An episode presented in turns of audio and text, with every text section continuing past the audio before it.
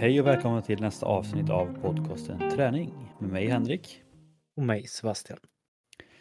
I dagens avsnitt ska vi gå in på lite ja, men, nya områden eh, för oss två kan man väl säga. Det vi kommer att diskutera lite idag är kan man utnyttja hormoncykeln? Hur kan man lägga upp träningen utifrån eh, sin menscykel? Och kan man träna genom hela cykeln? Så att lite fokus på kvinnor idag kan man väl säga och väldigt intressant ämne eh, tycker jag ändå utifrån det man har läst under veckan här när vi har kollat lite.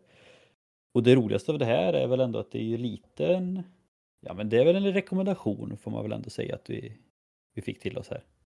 Ja men det, det tycker jag. Eh, en, en lite tips om att men det, här, det här kanske ni ska prata om och men det var väl både som, det tror vi bägge två ganska snabbt, bara, ja, det ska vi. Kanske mer för att det både finns ett, en nyfikenhet i och med att vi har bägge två kanske inte rört det lika mycket som om andra ämnen. Och när man har rört det så har man kanske bara, ah, okej, okay, ja men det, det är lite, jaha okej, okay, men vart ska jag läsa det här, vart ska jag hitta information? Och för min del var det bara finns det ens information? Det var liksom, ja, ja. Jag, jag har pratat rätt mycket om det innan här hemma. Och liksom ah, jo men det finns säkert någon forskning, jag har sett det men jag har inte, inte gått in så jättemycket på det. Och sen så öppnar man kanske nu mer nu och det, det ser ut som det är mycket. Men på ett sätt kanske man ställer frågan, jaha men alla artiklar är väldigt samma på ett sätt ändå. Så vi får väl se vad ni som lyssnar eh, tänker efteråt. Eh, finns det mycket information eller behöver det finnas ännu mer information kring detta? Ja men lite så. Vi har ju valt att bara skrapa lite på ytan inom det här området nu och fokusera ganska mycket på just periodisering eh, kring hormoncykeln eller hur man kan använda liksom hormoncykeln för att lägga upp en träningsplanering. Eh, men vi har också insett att det finns väldigt många olika delar också inom det här området så tycker ni att det här är intressant så skriv till oss så fortsätter vi gärna prata mer om det sen och vi har redan pratat lite om det att det här är ett område som hade varit jätteintressant att få in en gäst på. Så dels för att vi kanske inte har varit inne och skrapat på det här området jättemycket själva och sen dels för att vi inte upplevt det här på samma sätt heller. Så att det är också det som blir intressant också att läsa väldigt mycket för att kunna förstå och få en lite större förståelse för, för hur det ser ut för andra. Mm. Och går man bara in lite kort så vi har ju pratat om det tidigare också att mycket av dagens liksom rekommendationer och träningsupplägg och allt sånt där det är ju baserat på studier mestadels på män, nästan bara på män. Och det har ju liksom ganska mycket med att göra delvis det här med mens och menscykeln och liknande och många som har oregelbunden mens så det blir svårt att få med dem i studier så därför görs ju mestadels av studierna på män och har gjort genom alla tider. Men det blir också lite konstigt då när man ser liksom att halva befolkningen är kvinnor och det är ju inte direkt så att i alla fall att de kan följa de här rekommendationerna på samma sätt på egen hand. Eh, och antalet kvinnor som deltar inom motions och elitidrott har ökat väldigt mycket. Men trots det är idag övervägande idrottsforskning genomförd på manliga deltagare. Det finns kunskap inom fysiologi och anatomi som är specifik vid kvinnor och som därför är viktigt att ta fasta på och nyttja för att maximera prestationsförmågan och minska skaderiskerna. Så det är lite där tanken idag, att vi ska gå in och skrapa på just det här. Men vad är det som händer i kroppen och hur kan då ni kvinnor tänka för att lägga upp er träningsplanering och minska skaderiskerna och få ut en så optimal träning som möjligt eh, under då en cykel. Ja, jag tänker det är en bra grej och vi kommer att ha en stryk under flera gånger att det här är liksom mer någon form av hittat, men skulle man få mer på papper, man ser bort allting ifrån och man får reda på att det här får du större effekt av just nu. Då, då om man hade velat veta just en optimal funktion, då kanske man hade kört extra utav styrketräning och kondition under just den specifika tiden. Men det betyder ju verkligen inte att du får noll effekt under de andra eh, perioderna, utan det är bara mer att just under de här perioderna så ser man då en form av just optimal prestation. I alla fall en möjlighet till det då. Eh, ja. Ja, jag tänker att eh, vi hoppar in i det. Så jag tänker att du kan börja beskriva lite bara liksom vad, Därför alla som lyssnar kanske inte har koll. Liksom. Men vad, vad, vad är en cykel? Eller liksom, vad, vad innebär det? Liksom? Ja, nog att vi ändå så kanske är, mm, jag har inte riktigt procent i huvudet, men det är många kvinnor som lyssnar på podden. Men då har vi också den andra halvan. Och jag tycker den är minst lika viktig att höra för er, om kanske inte viktigare. Eh, bara för att få en liten eh, inblick i hur liksom mer än hälften av alla lyssnare tänker när de lyssnar på detta avsnittet och hur de tränar till exempel. Eh, men man kan dra lite snabbt. Eh, någonstans eh, kvinnor i åldersspannet mellan ungefär, det är ju generella siffror, mellan 13 till 50 år eh, har någon form av eh, normal hormonvariation eh, under varje månad som resulterar i en menstruationscykel. En cykel är då ungefär 28 dagar, men det kan liksom variera emellan 21 hela vägen upp till 35 dagar. Ägglossningen då, då eh, sker då kring dag 14, men även denna eh, kan då variera. Eh, och det är väl egentligen därifrån då så det kan bli att vi rör oss kring en månadsplanering då på någonstans mellan fyra till fem veckor beroende på just hur individen i frågan eh, ja, men har sin menstruationscykel. Eh, så där får man ju ta det igen lite att säga vid vecka ett och två och kanske det är så här vecka ett, två lite längre för dig. Eh, men du får i alla fall en grund att stå på då. Så det är liksom ja. hur själva cykeln är och vilka dagar vi har att röra oss med. Ja, och det är som vi har pratat om egentligen genom alla våra avsnitt sen ända sedan vi startade. Liksom. Mycket med det här med träning och kroppen. Liksom. Mycket handlar ju om att lära känna sig själv. Eh, och jag tror väl att ja, de flesta av er åtminstone kanske som är lite äldre verkligen har lärt känna i kropp liksom, och hur den här cykeln på ett ungefär när den kommer och vilka veckor och sånt och hur långa eh, varje period är. På ett ungefär i alla fall. Så att mycket handlar om det, att lära känna sin kropp helt enkelt. Men jag tänker då vi går in på första eh, perioder kan man väl säga och det är då före den här ägglossningen som Sebastian pratade om och den eh, kallas då för follikelfasen. Jag tror det är follikel i alla fall eh, som det kallas. Men vad, vad innebär det eller vad, vad ska man tänka på under den fasen Sebastian? Ja, men ser man den här fasen som då rör sig någonstans eh, kring liksom de första eh, två veckorna eh, kring just menstruationscykeln. Där ser man då att eh, när själva ägglossningen är på väg just under den tiden som man har ägglossning så har man då en ökad peak i just det östrogenet. Vilket betyder att men, hela vägen upp dit så har man då en eh, östrogendominerad fas liksom. Eh, den här östrogendominerade fasen på någonstans kring två veckor är då en form av en uppbyggnadsfas eller där man ser att eh, cykeln anses ha en högre uppbyggnadsfas, en anabol effekt. Eh, det som man hör då, uppbyggnad, att man har Mm, större möjligheter och kunna bygga både styrka eh, och även muskelbyggnad. Eh, så ser man under den fasen, om man skulle leta mer av en prestationssyn eh, på det, och då skulle man då kunna börja och fokusera lite mer just på själva styrketräningen. Du kommer liksom ha lite mer ökad energi, du kommer kunna lyfta lite tyngre och dessutom så kommer du kunna få lite mer effekt utav det. Väljer man att då se det från en ren styrkeperspektiv, att du egentligen bara vill bli hur stark som helst. Ja, men då är det kanske mer kring en maxstyrka som man skulle kunna gå in och liksom ha en peak då under själva ägglossningen. Eh, ser man styrka eller maxstyrka, men då generellt rör man sig någonstans mellan 80 till ja, men 100% av ett max 1 RM. Det betyder att man, man lyfter väldigt tungt om man gör enkelt. Eh, men man kan tänka lyfter man 100 kilo i en övning då ska man träna någonstans på 80 kilo uppåt ungefär. Det kan gå även ner till 75. Eh, så det skulle man då kunna optimera och liksom få till de tyngsta lyften just under själva ägglossningen. Kollar man mer på synen att man vill ha en optimal eh, muskeluppbyggnad. För det skiljer sig lite just att bygga volym och bygga maxstyrka. Man kan vara väldigt stark men se ut att vara lite tanig nästan. Ehm, men man har optimerat de här musklerna så mycket som möjligt. Men man är den som istället då kanske vill bygga stora axlar, stor rygg, stora armar, stor rumpa, stora ben. Ja, men då behöver man träna lite annorlunda. Man ska fortfarande ligga på en ganska hög procentuellt utav ett RM. Samma där, man ligger i närheten faktiskt nästan utav 80 procent. Samma där, vissa säger 70 upp till 80, andra tror jag säger 75 uppåt.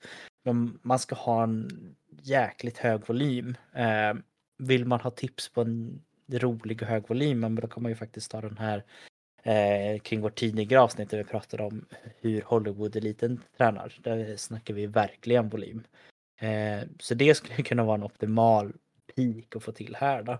Man bygger muskler, man kan ha den där tyngsta fasen och kanske tyngsta sätten och repsen eh, kring just själva ägglossningen där också då. Eh, och sen när man går ifrån den frasen då skulle man då kunna tänka att man går ner lite både i volym och själva intensiteten och liksom mer återhämta sig igen och sen så får man en ny, ny fas då. Eh, de här två veckorna under själva ägglossningen igen. Mm. Ja. Nej, det är det. Det är intressant ändå som just det att som sagt det har med proteinsyntesen och att det eh, ja, men under hormoncykeln så första ja, en, två veckor då, beroende på hur mycket man har att östrogennivåerna är, är så höga så att det blir liksom att muskelcellerna snabbare förnyas och då även en kvinna har lättare att tillgodogöra sig tung styrketräning och bygga lite muskler. Så att jag tycker det, det är är intressant liksom just att det kan vara som skillnad i eller att hormonerna kan göra så jäkla mycket för oss. Ja, att det verkligen kan ge, ge sån effekt så att man kan skilja på träning beroende på vilka hormoner som stiger och sjunker. Ja men det är intressant. Men det är väl även lite det som vi har diskuterat väldigt mycket kring både eh, din magister och master när det är lite det här med upplevda känslor istället för att ta på. Att eh, av någon anledning så upplever folk kanske det både lite svårt att prata om men även lite krångligt. Och sen så är hela det här ämnet överlag är väl väldigt tråkigt nog tabu att man, man ska inte prata om det och många blir väldigt obekväma med det vilket är jätte dumt. Det är ju så naturligt det går att bli. Men det är liksom så här för en när man sitter själv i läget. Bara, men hur känner jag mig? Man kanske inte har pratat om det så mycket. Man kanske inte alls har hört det nämnas ihop med träning utan man kanske bara behöver försöka landa lite hur det, hur det påverkar resten av livet liksom. Ehm, det jag sitter och tänker på, och det kan ju vara väldigt intressant om vi får in en gäst, det är om man liksom naturligt kommer in i den fasen. Att man känner shit, nu är jag riktigt på G, nu kan jag lyfta tungt. Eh, kollar man rent kommersiellt så borde det ju vara det, att man känner sig, eh, ja men man har lite mer eh, go i sig liksom. Så då blir det väl naturligt att man vågar ta lite mer. Ja, för tyvärr har inte vi känt det då, men jag vet en artikel jag läste så var det ju att vissa kände Ja, fast det var det mer så här, vissa veckor kände de verkligen hade liksom lite mer go, kunde träna och sen var det vissa veckor de kände liksom inte alls att de hade någon kraft alls nästan. Så att, men det är också så här om hur mycket det beror på psyken eller hur mycket det beror på bara allmänt med sömn och kost och allting. Det, det är ju det som är svårt att veta. Mm. Eh, men jag tycker också det är intressant det du pratar om det här med tabu och sånt också för jag tror det är också en grej vi hoppas med det här liksom att vi om vi också lyfter det här också hoppas liksom att det blir en större förståelse även hos eh, det manliga könet. Men också just den biten för många kanske ser just den här cykeln som eh, ja men det är jobbigt och det är så här men nu kanske man också får lite förståelse att ja, men allt kanske inte är så dåligt. Jag känner att det finns några bra saker med det här just att man kanske kan nytt nyttja det på ett helt annat sätt. Så man kanske får upp ögonen för det också. Som man inte haft tidigare. Ja men förhoppningsvis så är det någon som man kan nå ut där som, som du säger verkligen wow, det bli positivt liksom. Jag, jag kan bli ännu starkare än vad jag redan är liksom. Ja men exakt. Eh, men efter då första fasen då, follikelfasen, det är då ägglossningen kommer. Och efter ägglossningen sen så har vi period två då, som kallas för lutealfasen. Och efter ägglossningen då, östrogenet eh, sjunker, östrogenhalten, och istället så är det hormonet progesteron som ökar. Så, och det dominerar då den andra delen av hormoncykeln. Under själva menstruationen så är båda nivåerna eh, ganska låga sen då. Eh, men hur de kvinnliga könshormonerna har påverkat effekten av träning. Eh, det är som sagt, vi pratade om tidigare, ganska outforskat område. Men det finns ändå en liten del tillförlitlig forskning. Till exempel en japansk studie eh, som heter Effects of the Menstrual Cycle on Excess Post-Exercise Oxygen Consumption in Healthy Young Women. Jag tyckte att det var en fruktansvärt lång och dålig titel, men så heter den i alla fall om det är någon som vill gå in och läsa. Och den visar att kvinnor har bättre förbränning, eh, fettförbränning efter ett pass under cykelns andra fas. Det vill säga då progesteronnivån är hög eller högre. Och det är då att den då progesteronet triggar lipolysen, det vill säga den process som frigör fett från fettcellerna. Och lipolysen är en del av fettomsättningen och är aktiv under hela hormoncykeln. Men den är mer aktiv under progesteronets inverkan. Och den triggas dessutom av adrenalin som frigörs under fysisk ansträngning. Så detta innebär ju då att en kvinna får ut en större fettförbrännande effekt under denna period. Och sen då för att dra, dra största nytta av det så rekommenderar de att man kör liksom någon form av konditionsträning. Här rekommenderar de högintensiv träning. Och jag och Sebastian diskuterar lite det. Och jag vet att vi har diskuterat det tidigare, jag tror det var ganska länge sedan just det här med att ja, men, när förbränner man mest fett inom konditionsträning? För man brukar alltid säga att ja, men, lågintensiv träning då förbränner du ju mest fett och högintensiv träning förbränner du mest kolhydrater. Men sen så är det också forskning som visar liksom då att ja, men, även om du kör högintensivt och förbränner mer kolhydrater under passets gång så kommer du förbränna mer fett efter sen. Så jag tror att det är därför de rekommenderar högintensiv träning just för att då kanske du får lite mer adrenalin. Och adrenalinet då eh, triggar ju då den här eh, lipolysen och liknande så att du får automatiskt då mer fettförbränning och sen då att du förbränner fett även efteråt. Så att om du jämför första fasen med hög nivå av östrogen och du kan börja bygga lite större muskler och kanske känna att du är lite starkare. Går vi över till lutealfasen här då där man fokuserar lite mer på konditionsträning just när det är väldigt mycket mer fokus på fettförbränning. Men det som också kan vara lite känsligt i det här området är ju som sagt just att man kanske inte alltid vill bränna extra mycket fett. Så det är också det som kanske är ganska viktigt att ha koll på den här fasen att ja, men om man kanske redan är ganska tunn och inte har så mycket fett då kanske man inte vill köra på allt för hårt under den här fasen heller just för att förbränna allt fett man har. För att du förbränner automatiskt mer fett under den här fasen på grund av progesteronet. Och sen ska du förbränna ytterligare fett på grund av träningen så kanske det blir lite kaka på kaka. Så det är väl det man kan ha lite koll på under den här fasen. Liksom, att, ja, men, vill jag verkligen förbränna allt fett? Då kanske man också ska ha lite koll på eh, ja, men vilken form av träning man ska göra. Och ja. sen det sista också, är bara, det som är intressant här är liksom om man gör första fasen, östrogenet ökar ju bara ju längre in på den fasen du kommer för att pika på ägglossningen. Kollar man på lutealfasen nu, fas 2, eh, där pikar egentligen progesteronet i mitten av den fasen. Så om du nu har den här fasen vecka 3 och vecka 4, då kanske den är som högst då, i slutet av vecka 3, början av vecka 4. Så det är lite skillnad där också, eh, hur det ser ut med det. Men verkligen. Jag tänker även det du nämnde där med den här ökade fettförbränningen. Det är väl även där som det blir ganska naturligt för oss att det kommer även upp i många av de här artiklarna. Både ja, men den du pratar om och både i, ja men från, vi har kallar varandra så kära vän. Vi har ju tagit väldigt mycket från och inspiration från idrottsforskning.se, även Umeås universitet och liknande. Men där kommer det in väldigt mycket just kring kosten också, eh, vilket är naturligt. Eh, så det är även där kanske man då kan säga att om man ändå så vill upp en form av ren konditionsträning och kanske vill dra nytta av att man förbränner fett, att, fett, att man vill lära kroppen eh, och göra det för att kunna optimera när man håller på med längre lopp. Då kanske det bara är mer extra viktigt också att tillföra mer, mer energi under de faserna liksom. Eh, så även det kan ju vara för den som kanske vill gå upp i vikt och undrar bara, men jag tränar på bra, jag kör kondition och styrka. Vad, vad händer där liksom? Eh, men redan mycket handlar ju om att lära känna kroppen ännu en gång. Ja, och alltså det känns som att det kommer kanske vara Bal alltså hitta en balans liksom med allting med återhämtning, fysiskt, mental allting och sen lära känna sin kropp. Det känns som att det är de två grejerna vi kommer prata om mest om i den här podden. Det kommer vi nog aldrig sluta nämna känns det som. Nej, det är ju viktigt. Kanske det viktigaste. Ja.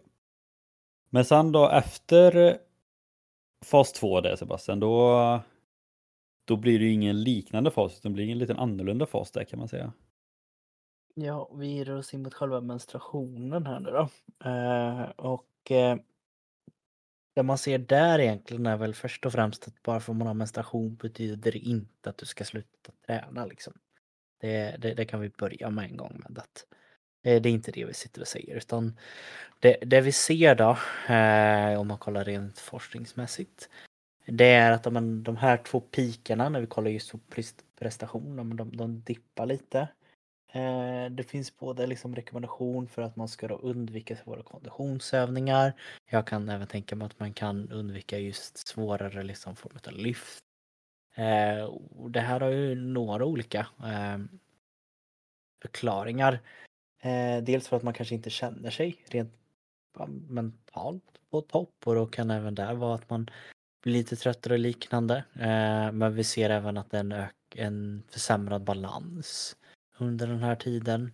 Eh, det, det, är mycket som händer och eh, går man in och börjar prata om att men hur skulle man kunna lägga upp träningen där? Eh, här är vi kanske slutet av vecka fyra, vecka fem.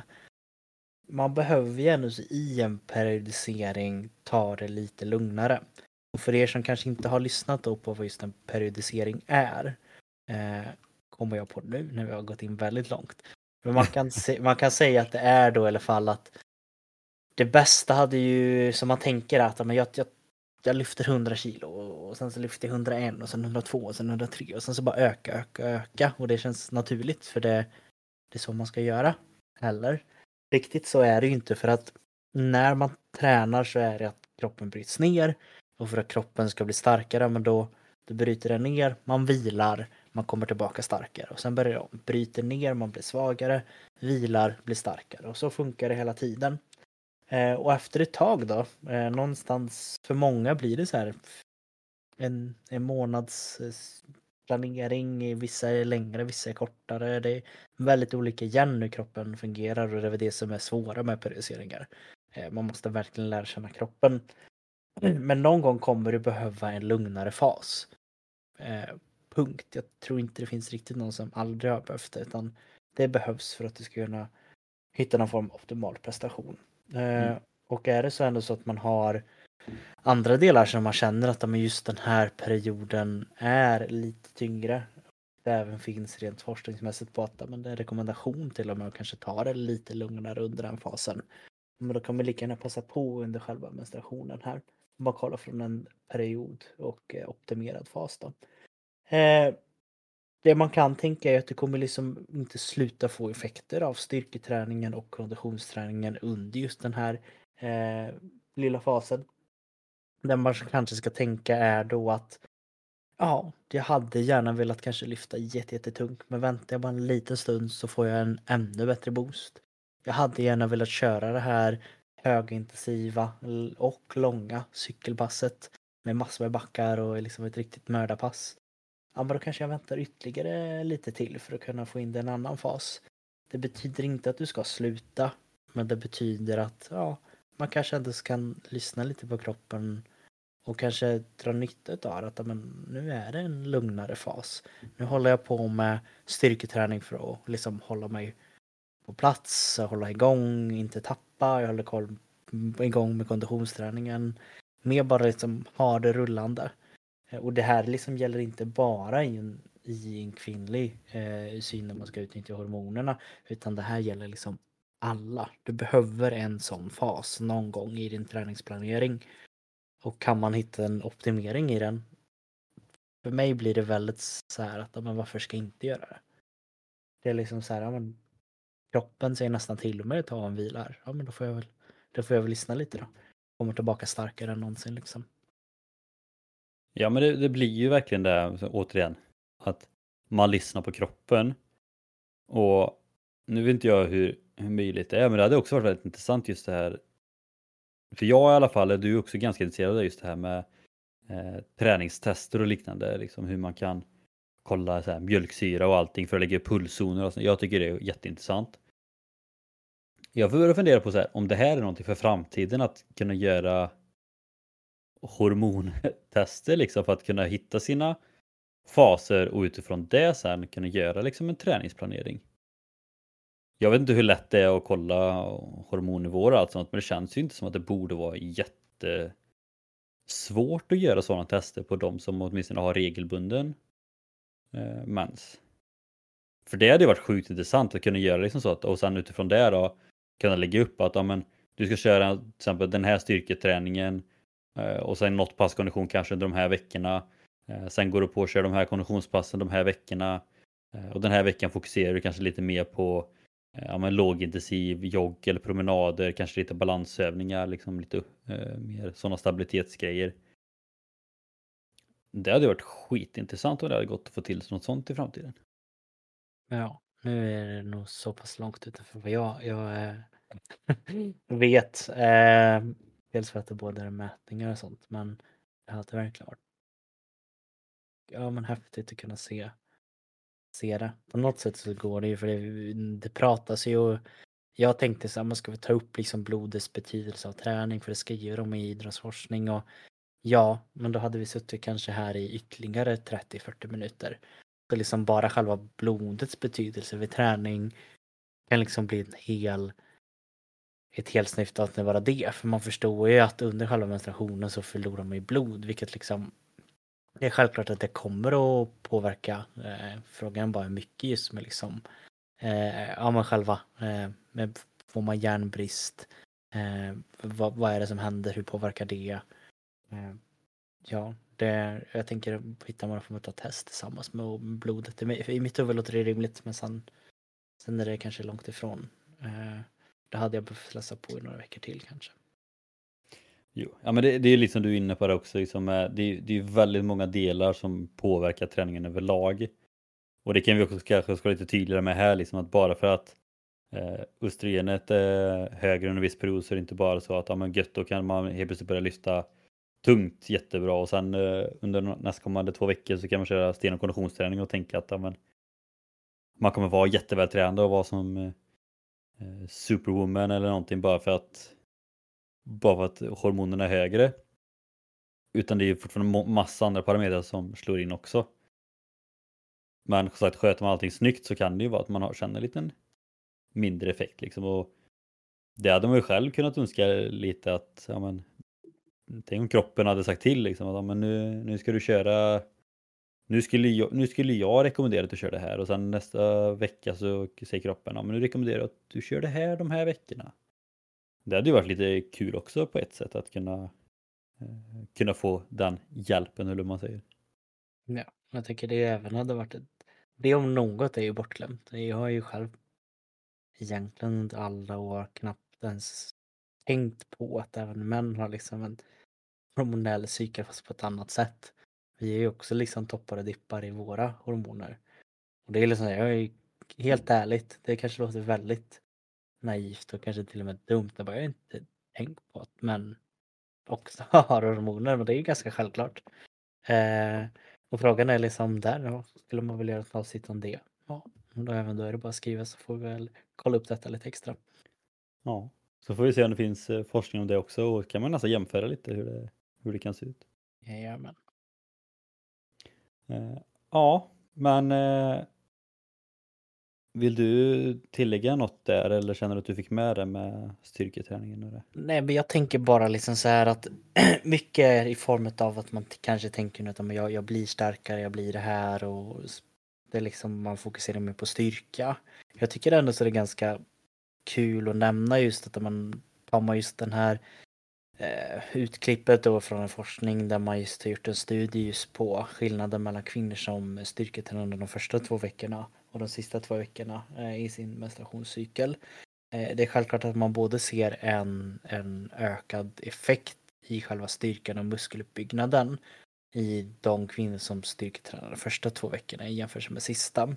Men även att man liksom ser en, en upplevd mer positiv känsla utav att träna under de första två veckorna med styrketräning i jämförelse med de sista två. Att det är liksom så här att bara det borde göra att man kanske bara oh, börjar bli lite intresserad. Eh, det kanske också ger en, en liten förklaring till varför man känner att ja ah, men just det här datumet så jag känner mig inte lika stark och det känns inte riktigt lika bra. Ja men det är ju kanske då för att hormonerna gör det så för dig. Man kanske inte behöver gå ner sig så pass mycket om man har hört det. Eh, det som också går att diskutera i det här då. Eh, det är ju att det här går även att få in en form av eh, hormoncykel där man använder trafisasiska p-piller.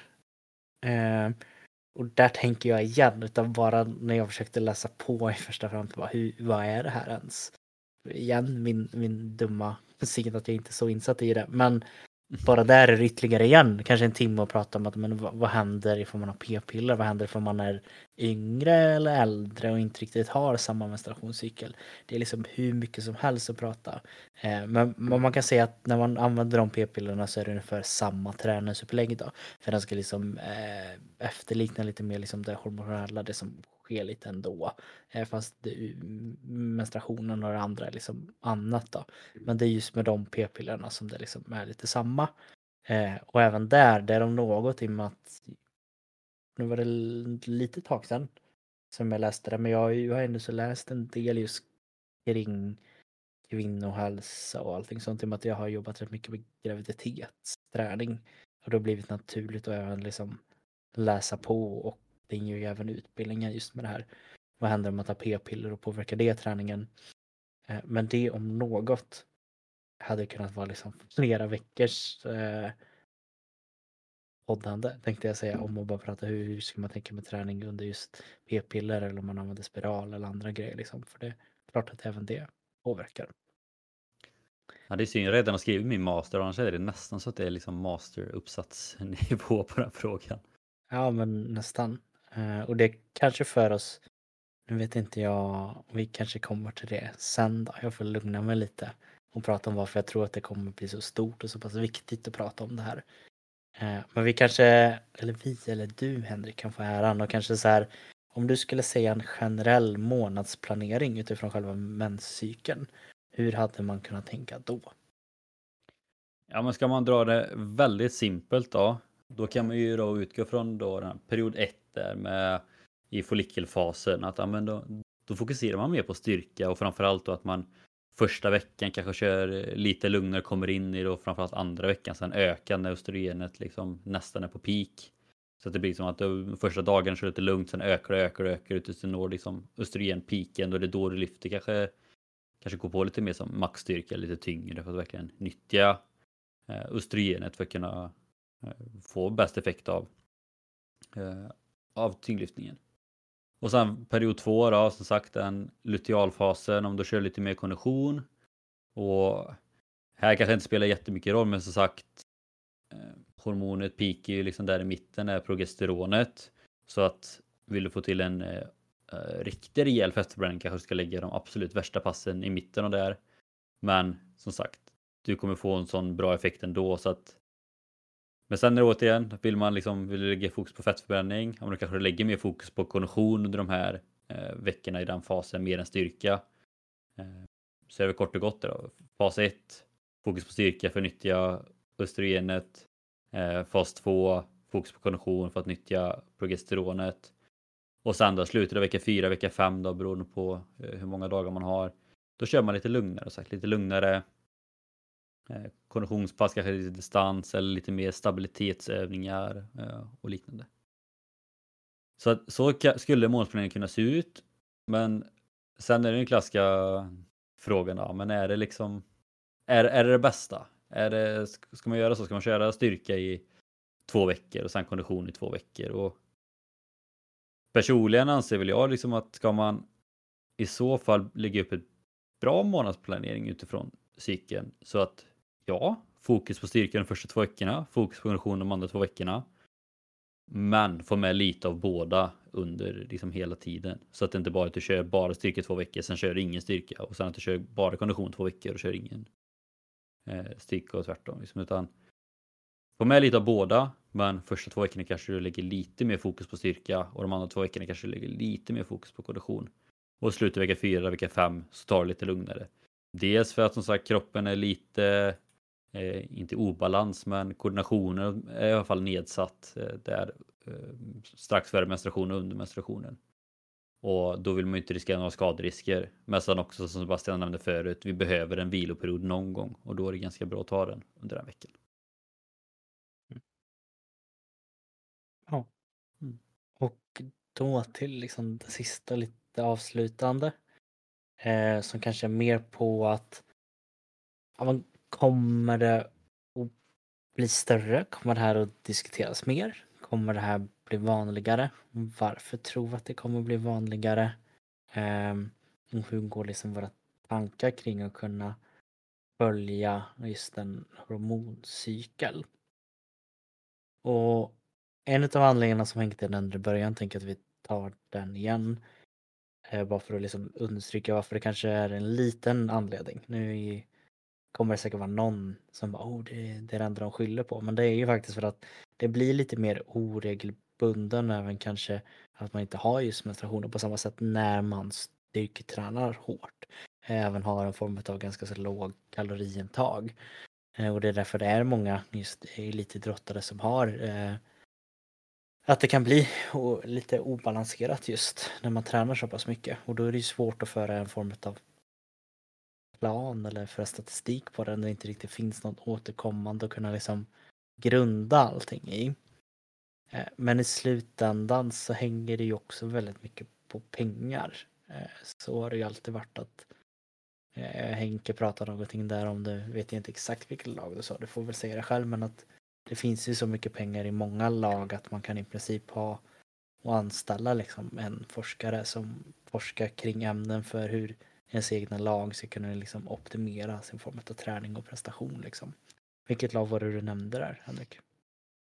Ja, vi vet till exempel att Malmö FF vet jag ju har eh, någon form av anställda forskare, sen om det är på heltid eller om de har någon roll i klubben och forskar kring det. Sen vet till exempel Elfsborg vet jag ju har samarbete med Göteborgs universitet och gör väldigt mycket studier och sånt där. Sen tror jag även lag som AIK har ju också folk i föreningen som forskar. Eh, jag tror ganska många i alla fall av de större föreningarna i Sverige framförallt, men alltså, även utomlands, om vi pratar Sverige, kanske ändå är lite fattigare om vi jämför med de här stora eh, klubbarna så brukar många ha någon form av roll, kanske som ungdomsledare eller fystränare eller någonting och sen har de också en del att forska inom föreningen då för att se hur det ser ut. Och kollar man ut i Europa sen eh, i de här absoluta stora lagen, men där finns det ju massa forskare som bara fokuserar på forskare, de har forskningslag och allting. Jag, vet. Eh, jag var på en eh, konferens, där var det ju en från Aston, Aston Villa tror jag det var. De hade ju en forskningsgrupp på 4-5 pers eller någonting. Så att, mm. Framförallt i fotbollen så är det ju väldigt vanligt men också för det är sjukt mycket pengar i fotbollen. Och det är som Sebastian säger att har man pengar, det är klart man vill nyttja det på forskning inom det egna. För då kan man verkligen se hur man kan förbättra sin egna verksamhet. Mm. Jo men faktiskt, det, det är väl liksom jag tror utav bara lilla nu vi pratar om det här, att man kommer det ske mer fram? Ja men det kommer det och kanske tack vare väldigt mycket att den eh, kvinnliga fotbollen har blivit, tycker jag, det har skett ett väldigt stort hopp de sista åren, hur stort det har blivit liksom.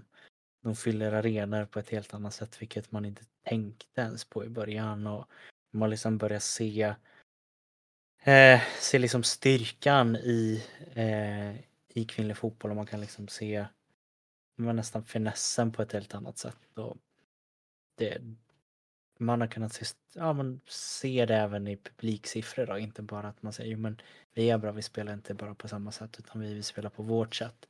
Även det är fin fotboll. Det är bara att se på de här storlagen som har satsat väldigt mycket på eh, sina kvinnliga eh, klubbar de senaste åren. Kan tänka mig att någon av de stora fotbollslagen kommer att vara de som kommer kanske inom kort kunna ta det här steget och liksom se att hmm, kan vi på något sätt summera hur de presterar på plan ifall vi tar hänsyn till just menstruationscykeln.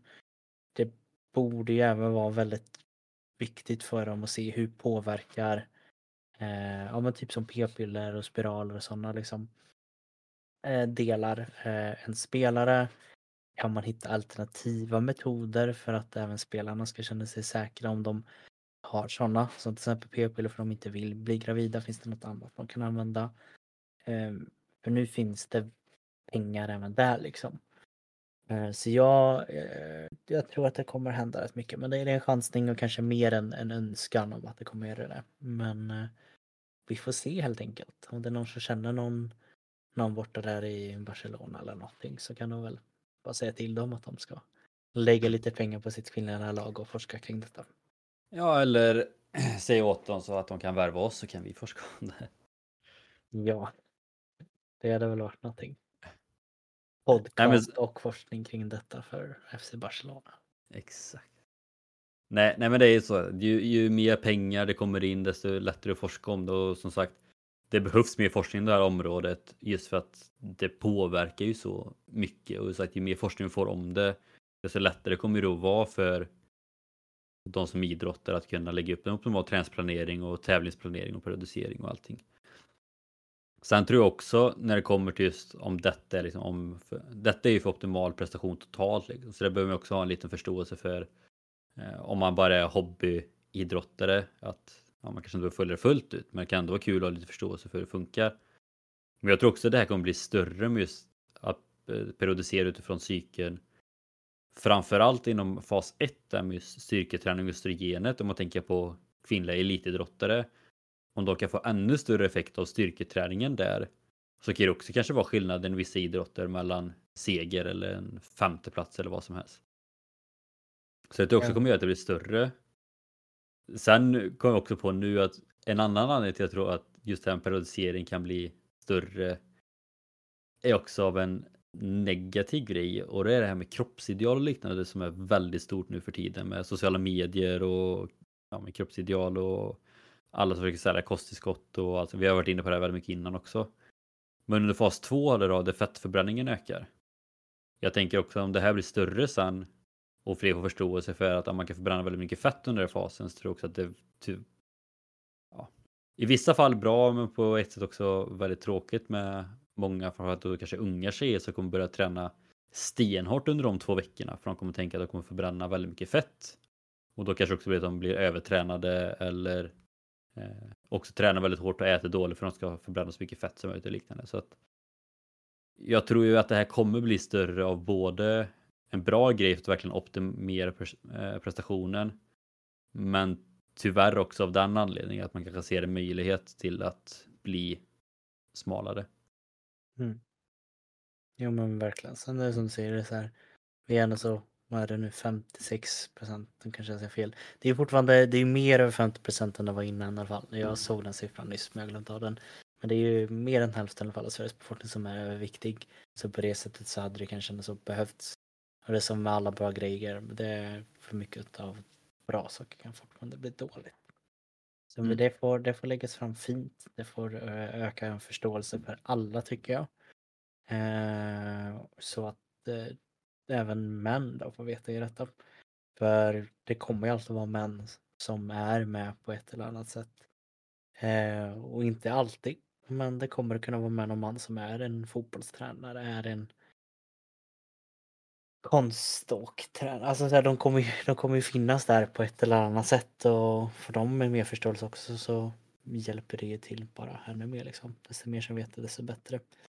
Och jag tror ju också att varför det här kommer bli större det är för att man har ju sett en nu är du inte kanske inne i gymvärlden på samma sätt men man har ju sett en jätteökning i styrketränade kvinnor efter pandemin. Och det är ju för att eh, under pandemin det som kanske blev, drabbades hårdast var ju gruppträningen och generellt sett har det gått mer kvinnor på gruppträning än män.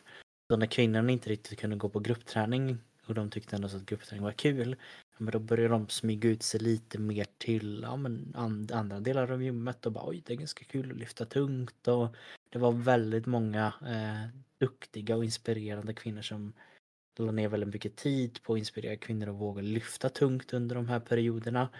Så de kvinnor som liksom smög sig ut lite från gruppträningssalen de har liksom inte riktigt kommit tillbaka alla än utan de har liksom nästan stannat där ute i gymmet och lyfter liksom lyfter skrot eller liksom styrketränar på ett annat sätt. Så det är ju också någonting varför intresset för det här har blivit mycket mm. större. Så även det kommer ju liksom trycka på att detta kommer att kunna forskas mer utav.